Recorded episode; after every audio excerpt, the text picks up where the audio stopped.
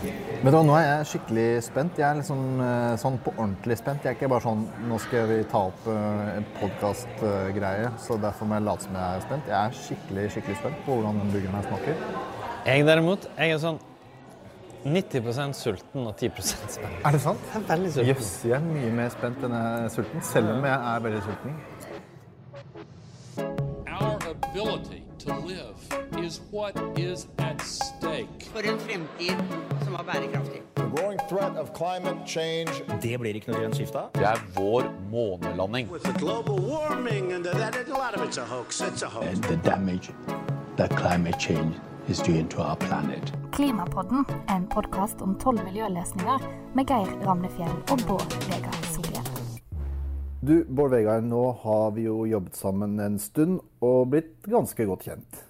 En ting som jeg merker ganske tidlig med deg, er at det skjer noe med humøret ditt hvis vi utsetter lunsjen litt for lenge. Altså, jeg, jeg må ha mat. Jeg blir sur og aggressiv. Særlig aggressiv hvis jeg, hvis det går for lenge. Det er veldig rart, for jeg blir, jeg blir, jeg blir mer nervøs og urolig når jeg har lite mat i kroppen. Det er kanskje, eh, kanskje best å holde, passe på at vi ikke samtidig er lenge uten mat. Eh, for min aggressivitet kunne vel da gå litt utover din nervøsitet. Jeg, jeg blir bare enda mer urolig, og så blir du kanskje liksom irritert over at jeg er Så nervøse mennesker gjør meg veldig irritert. Da. Så i større eller mindre grad så gjelder jo det her på en eller annen måte hos alle. Vi mennesker er ikke spesielt godt konstruert til å klare oss uten mat. Ja, det er jo veldig få eh, relativt sett i verden som flyr, har bil og forbruker sånn som vi gjør her i Norge. Men alle spiser jo. Vi må ha mat for å overleve. Hva vi liker å spise, vil ha noe å si på naturen rundt oss. Ja, og Det er derfor denne episoden skal handle om mat, og, og særlig om kjøtt. Vi kommer ikke unna at det vi putter i oss, har store konsekvenser for miljøet. Produksjon av mat, hva vi spiser, hvordan det påvirker miljø og klima, eh, er en sentral del av miljøløsningene. Vi trenger mat en sånn tre-fire ganger om dagen, de fleste. Og vi har nå bikka 7,6 milliarder mennesker på jordkloden.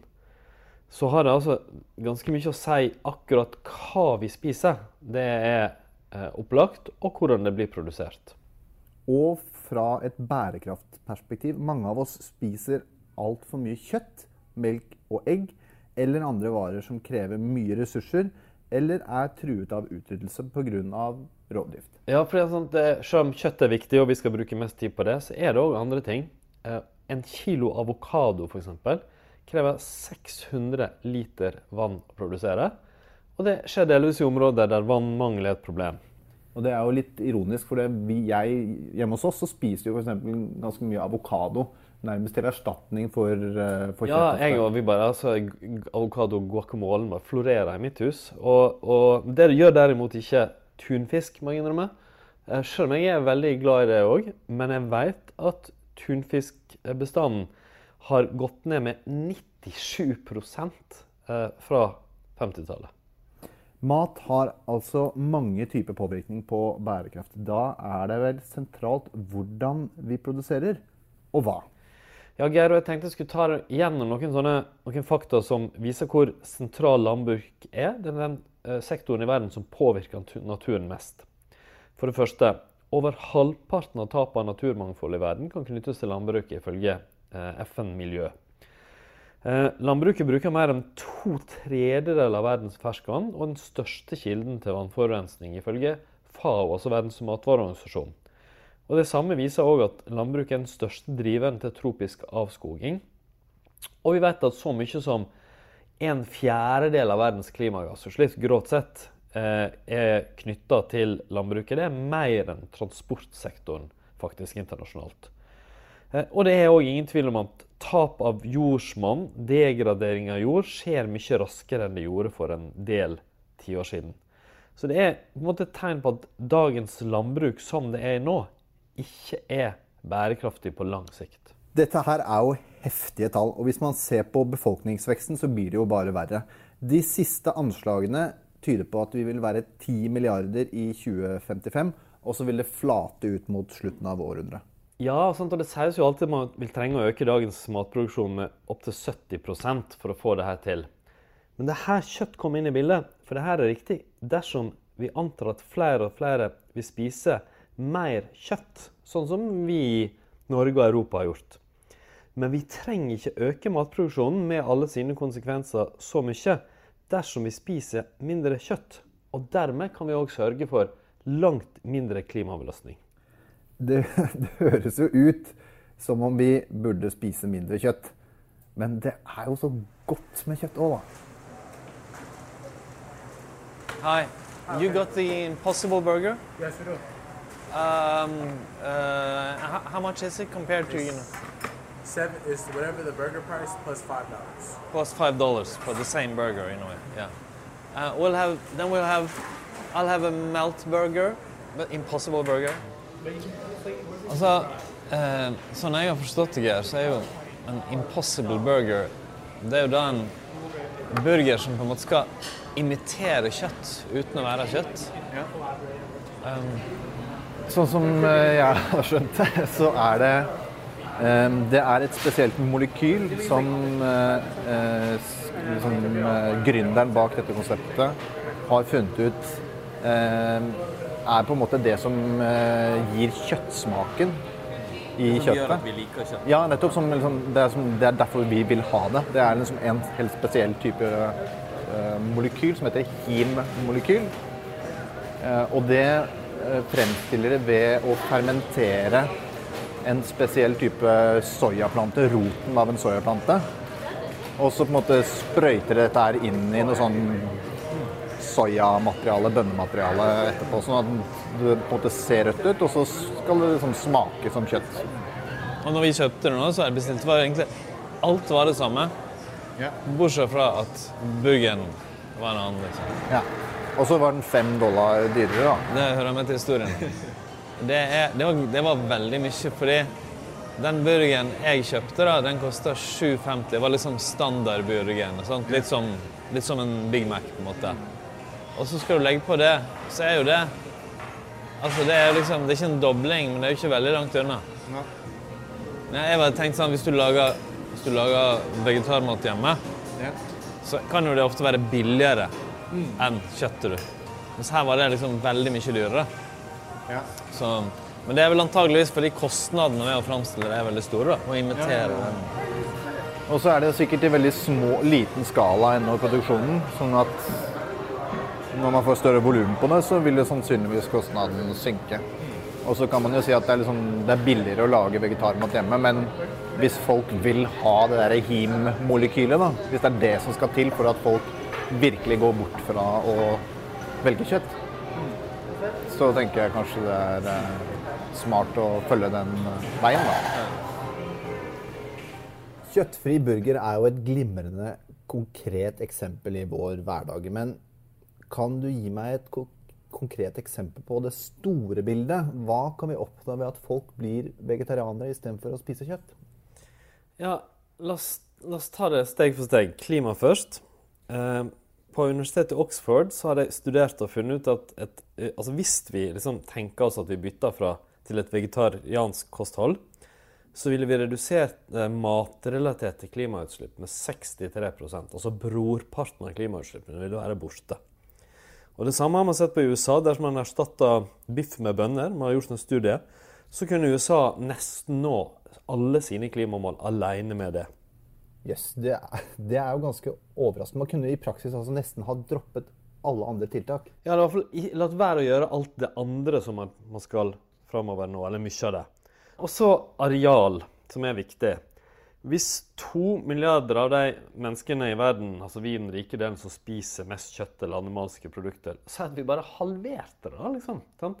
Det kunne nok mange av oss klare. Så kunne vi frigjort et jordbruksareal som tilsvarer to ganger hele India i dag.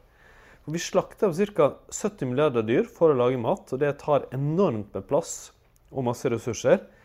Ja, alle pattedyr på jorda i dag, så er flertallet husdyr. Og i veldig stor grad er det her industrialisert landbruk. Vi har på en måte fjerna naturen for å få plass til industribasert eh, produksjon av storfe og kylling. Og det her er jo før vi begynner å se på alle de helsefordelene ved dette.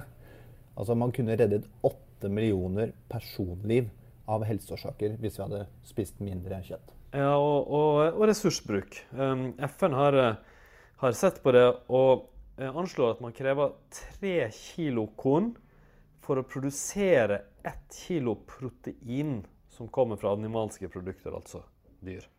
Jeg må si, jeg, jeg merker det nå på meg selv. Liksom, hver gang jeg går igjennom her tingene og liksom henter det fram igjen, så, så, får jeg litt sånn At kunnskapen jeg har, ikke helt passer med det jeg sjøl gjør, som jo ja, er å spise kjøtt.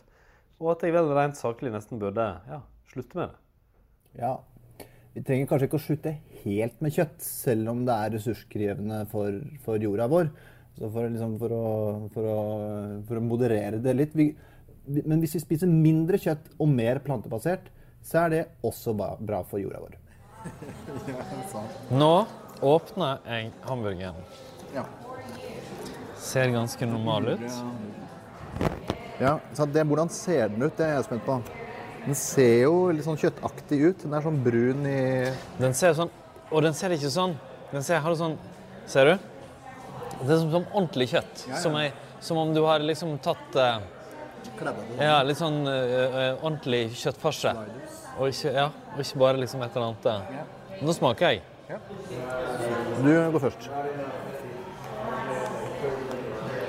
Det er seriøst godt. Jeg tror ikke jeg kunne ta forskjell på det her og kjøtt i en blindtest. Eller er det noe?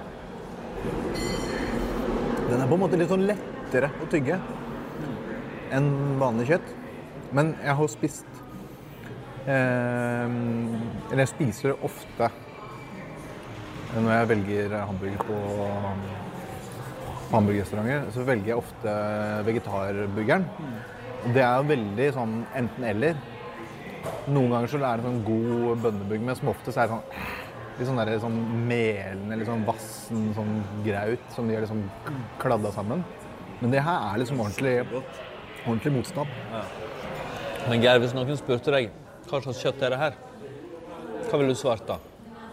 Da ville jeg sagt at det var, det var liksom, ja, oksekjøtt, liksom. Helt klart. På smaken og på teksturen også. Og så var det en veldig god burger, sånn uh, uavhengig av det. Og veldig mye av den avokadoen som trenger ekstremt mye vann.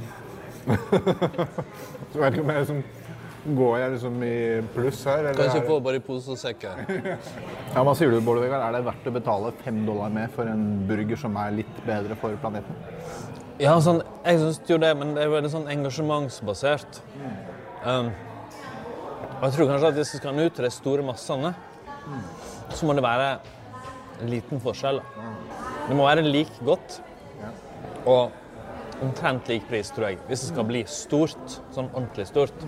Og det er like godt? Ja, det er Altså, det her er Det her er eh, ordentlig sånn like godt. Jeg, jeg har smakt gode burgere av sånn rødbet og linser og sånn, som jeg syns har vært skikkelig gode. Men da har det vært noe helt annet, på en måte. Ja, ja. Det her er en imitasjon av en burger ja. som smaker like godt, syns jeg. Hege Ulstein, eh, du er kommentator i eh, Dagsavisen, og du har skrevet veldig mye om særlig kjøttforbruk eh, i deres spalter. Når var det du på en måte fikk øynene opp for det?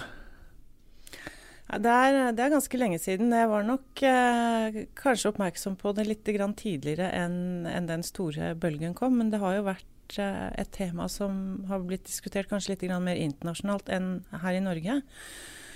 Og det er egentlig ikke så rart, syns jeg. fordi at eh, hvis du ser på kjøttproduksjonen i f.eks. USA, så er jo den Eller egentlig alt landbruket i USA er jo veldig mye mer industrielt og veldig mye mer kraftkrevende enn her i Norge. Sånn at der er jo det problemet enda mer satt på spissen, kanskje, enn her i Norge. Men eh, da jeg begynte å se på det, så gikk det jo ikke så veldig lang tid før jeg skjønte at eh, veldig mange av de problemstillingene var veldig relevante for norsk landbruk også. Mm. Og på hvilken måte vil du si at det er relevant for norsk landbruk? Vi har jo det jeg vil kalle en myte om norsk landbruk, som handler om at veldig mye av kjøttproduksjonen vår er, er en del av selvforsyningen, og at uh, ku og, og sau som, uh, som, spiser gress, eller som gresser på, på norske ressurser, ressurser, på en måte er klimanøytrale, eller til og med går i pluss fordi, fordi, de beiter på, som går ute og beiter. Og det er jo Freia melkesjokolademyten om, om norsk eh, landbruk på mange måter. Og det er jo ikke 100% feil, men vi kan si at det er sånn ca. 60 feil. Da. Fordi eh, realiteten er jo at veldig mye av den dyreproduksjonen baserer seg på import av kraftfôr. Og da er det i stor grad basert på soyabønner som dyrkes i Brasil, på steder hvor, eh, hvor det går på bekostning av regnskog, bl.a.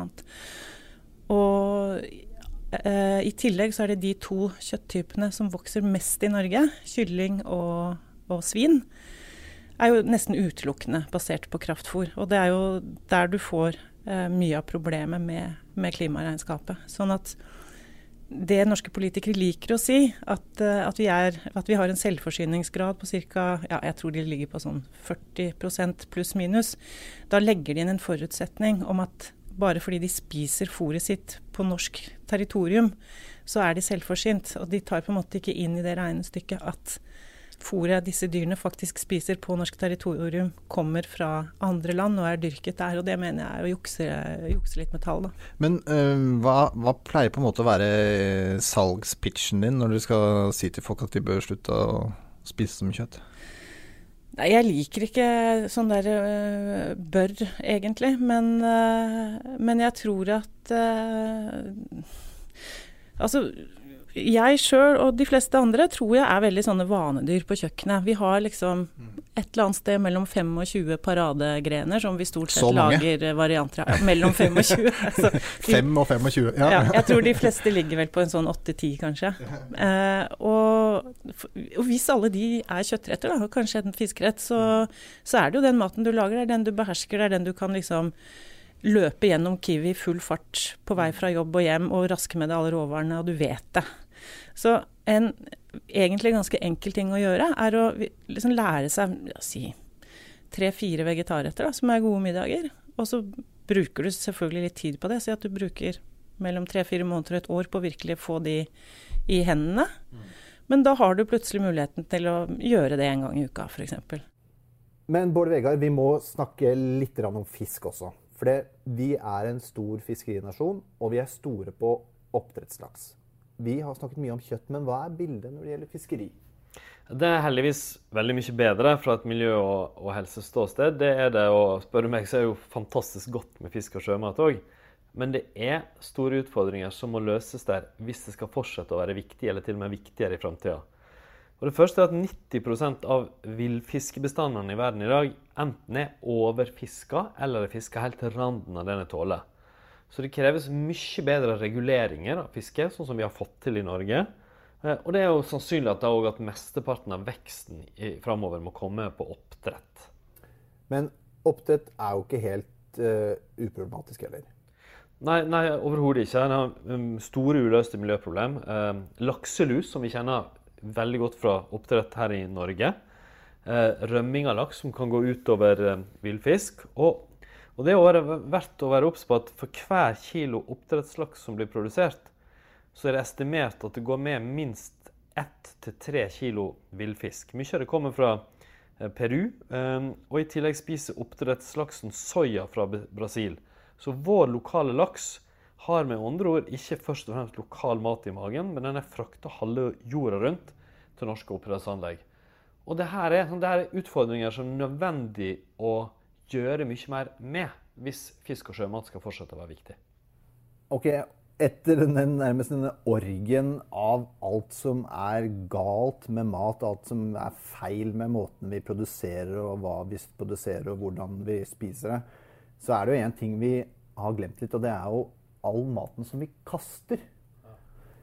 Og det er jo, Jeg så en gang en sånn historie om en sånn stakkars eh, jordbærkurv, som jeg gjerne vil fortelle litt eh, om. Det var en historie som viste da eh, produksjonen av jordbær ute på jordbæråkeren. Hvordan jordbærplantene ble plantet, hvordan det ble vannet omhyggelig, hvordan det ble stelt, hvordan jordbærene vokste fram sakte, men sikkert ble grønne og så røde, og så kom det ble plukket opp av masse folk som jobbet på jordbæråkeren, som samlet det på gården, pakket om hyggelige esker, fraktet det over lange avstander. Og så kom det til butikken, og så ble det satt fram pent og pyntet i butikken. Og så kom det en dame og kjøpte den, gikk hjem, satte den i kjøleskapet, lot den stå et par dager for lenge, og så var det bare å kaste den. Og det er jo helt, det er jo så utrolig godt bilde på den hinsides måten vi forholder oss til mat på. Vi, vi har ingen tanke for hva som ligger bak det. Altså, det verste av alt, kan, jeg kan kjenne meg litt igjen i det. Og, og eh, sikkert mange av dere som hører på nå. Vi, kaster helt utrolig mye mat. Eh, faktisk er det sånn, hvis vi, sier at hvis vi bare klarte globalt da, å redusere matsvinnet med 25% Si at du kaster bare tre jordbær istedenfor fire. Så ville det i mengde være nok mat til nesten en milliard mennesker som sulter for deres daglige kosthold. Så det er helt ufattelig store mengder. Men Geir, nå har vi jo bygd både oss sjøl og lytterne ned med liksom alt som er galt. Kjøtt og fisk er ikke uproblematisk, og matsvinn. Nå trenger vi å finne ut hvordan vi skal fikse alt det her. Hege Ulstein, eh, når vi snakket litt som, som en researchsamtale før dette her, så, så, nevnte du at du var ikke så opptatt av eh, at, uh, å prakke på folk en livsstil, som du nå uh, forteller nå også. At, at det, det, viktigste er at myndighetene legger til rette for at det tas strukturelle grep. Hva er de viktigste strukturelle grepene du mener trengs å tas? Ja, altså sånn I utgangspunktet så syns jeg det er et veldig sunt prinsipp for all klimapolitikk. Jeg syns ofte at, uh, at, det blir mye pekefinger og forbruker og litt sånn du-politikk uh, på, på, hele klimasektoren. Uh, også tror jeg litt fordi at du har en politisk handlingslammelse som gjør at de syns det er enklere å individualisere de politiske tiltakene. Da. Men vi ser jo at det ikke fungerer. Hvis du tar på bilkjøring f.eks så nytter det ikke eh, at politikerne bare sier at vi bør kjøre mindre bil, vi må kjøre mer buss. Eh, det som hjelper, er jo at de subsidierer eltrafikk, bygger ut kollektivtrafikken og setter opp eh, bompengeprisene. Mm. Og jeg tenker, altså Når det gjelder matsektoren, så handler dette om f.eks. at man har, eh, har, dette systemet med at Opplysningskontoret for kjøtt eh, mm. får så mye penger. Fra, eh, fra bondeorganisasjonene som de gjør hvert eneste år. Det er et system politikerne kan gjøre noe med hvis de vil. Mm at uh, lærebøkene i skoleverket i, i, i, mat og helse har veldig lite vegetarretter. Og, mange, og, enkelte av dem var i hvert fall før. Jeg tror kanskje det er endra nå, men de var også skrevet av Opplysningskontoret for kjøtt. og, uh, og, at man um, uh, også er bevisst på at når du øker volumet veldig mye i f.eks. kyllingproduksjonen, sånn som den sittende regjeringen har gjort, hvor de har dobla eh, kvotene, så, så, legger du jo opp til en matproduksjon som utelukkende baserer seg på importert kraftfôr, istedenfor den tradisjonelle matproduksjonen som, som eh, bruker norske beiteressurser. Mm. Tusen hjertelig takk for at du eh, kom hit, eh, Hege, og lykke til videre med kampen mot, mot kjøttet. Takk. Her var det veldig mange gode løsninger. Men alle sånn på systemnivå og Det er klart jeg, det, det spiller en rolle hva jeg og du og alle andre enkeltmennesker gjør òg, faktisk. Det, og jeg prøvde jo jeg, eh, For et par år siden, en måned da, så bestemte jeg meg for å ikke spise kjøtt i ukedagene. Bare kjøtt i helga, så kutta jeg kjøtt på alle andre ting. Og det, altså det gikk egentlig Jeg er jo veldig glad i kjøtt, men det, det gikk, det gikk veldig fint, syns jeg. Mm. Ja, jeg har egentlig de siste 13 årene um, Så lenge jeg har vært gift med kona mi. Hun uh, spiste ikke kjøtt da vi ble sammen, og kompromisset vårt ble på en måte at vi spiste kylling. da. Men da økologisk kylling, for vi har ikke lyst til å spise sånn kylling som ikke har det bra. Um, og det er egentlig stort sett sånn vi har hatt vårt kosthold. At det er bare bare økologisk uh, kylling som jeg har spist uh, av kjøtt da, de siste. Og så spiser jeg det noen ganger hvis jeg blir tilbudt det, eller hvis jeg er ute. eller sånn. Ja, nei, jeg, jeg, jeg, og jeg spiser mye mindre rødt kjøtt enn tidligere, og mer plantebaserte ting. Så jeg er veldig glad i sjømat. Men, um, men jeg er jo veldig altså jeg, altså jeg, er jo veldig glad i godt kjøtt. Det må jeg bare innrømme, liksom. Det, det er lov. veldig, til og med. Men um, Altså, vi skal, vi, liksom, skal vi prøve å walk the talk, her? Jeg tror vi nesten må det. Skal vi, skal vi liksom gi hverandre en challenge? Jeg synes det. En utfordring, som det heter på godt norsk. Yes. Hva er din utfordring til meg, da? Eh, min utfordring til deg er at du ikke skal spise noe kjøtt i to uker. Ingenting? Ingenting. Ikke liksom Ikke Hva hvis jeg, hvis jeg får i kål, da? Hjemme? Nei, da blir det bare kål på deg. OK, nei, men jeg tar den. Men da, da mener jeg at du må klare fire uker. For nå har du nettopp skrytt av at du spiser nesten ikke kjøtt i, i, i det hele tatt i utgangspunktet. Ja. Så da føler jeg at det må du kunne trappe opp til. Tar du den? En måned uten noe kjøtt. Men, jeg, altså, men det er jo ofte noe av det vanskelige da, med folk som har liksom, familie. Sånn at jeg, jeg må jo kunne gi kjøtt til barna mine. For Ja. det, Det, det samme gjelder meg. Altså, for jeg kan ikke, vi kan ikke love noe på vegne av koner og barn. og sånn. Det er vårt løfte. OK, Bård Vegard, da er vi ved veis ende ved denne episoden. Og da er vi kommet til det punktet i programmet som du eh, kjenner eh, nå veldig godt. At vi på du skal arrangere på en skala fra 1 til 12, hvor 1 er minst viktig og 12 er mest viktig. Hvor viktig er matproduksjon og hvordan vi eh, spiser for miljøløsningene? Altså det, er jo, det er jo faktisk ufattelig viktig, og blant de områdene som har størst betydning både for klima og naturmangfold og andre ting. Um, så vi er jo i den øvre delen av skalaen, men jeg tenker at endelig karakter må vente til etter at vårt eksperiment er ferdig, her. Jeg vil liksom har sett hva, hva er realismen i løsningene her. Da blir det kanskje 12, da. Ja, et sted opp mot det. Alt avhenger av. Det er bra. Klimapodden er laget av Dagbladet med produsent Marie Røsland. Programleder er politisk redaktør Geir Emnefjell i Dagbladet, og ekspertkommentator er Bård Vegar Solhjell med faglig bidrag fra Ragnhild Vågård i WWF. Og du, hvis du likte denne podkasten, abonner på den, del den veldig gjerne med vennene dine, og gi oss gode tilbakemeldinger.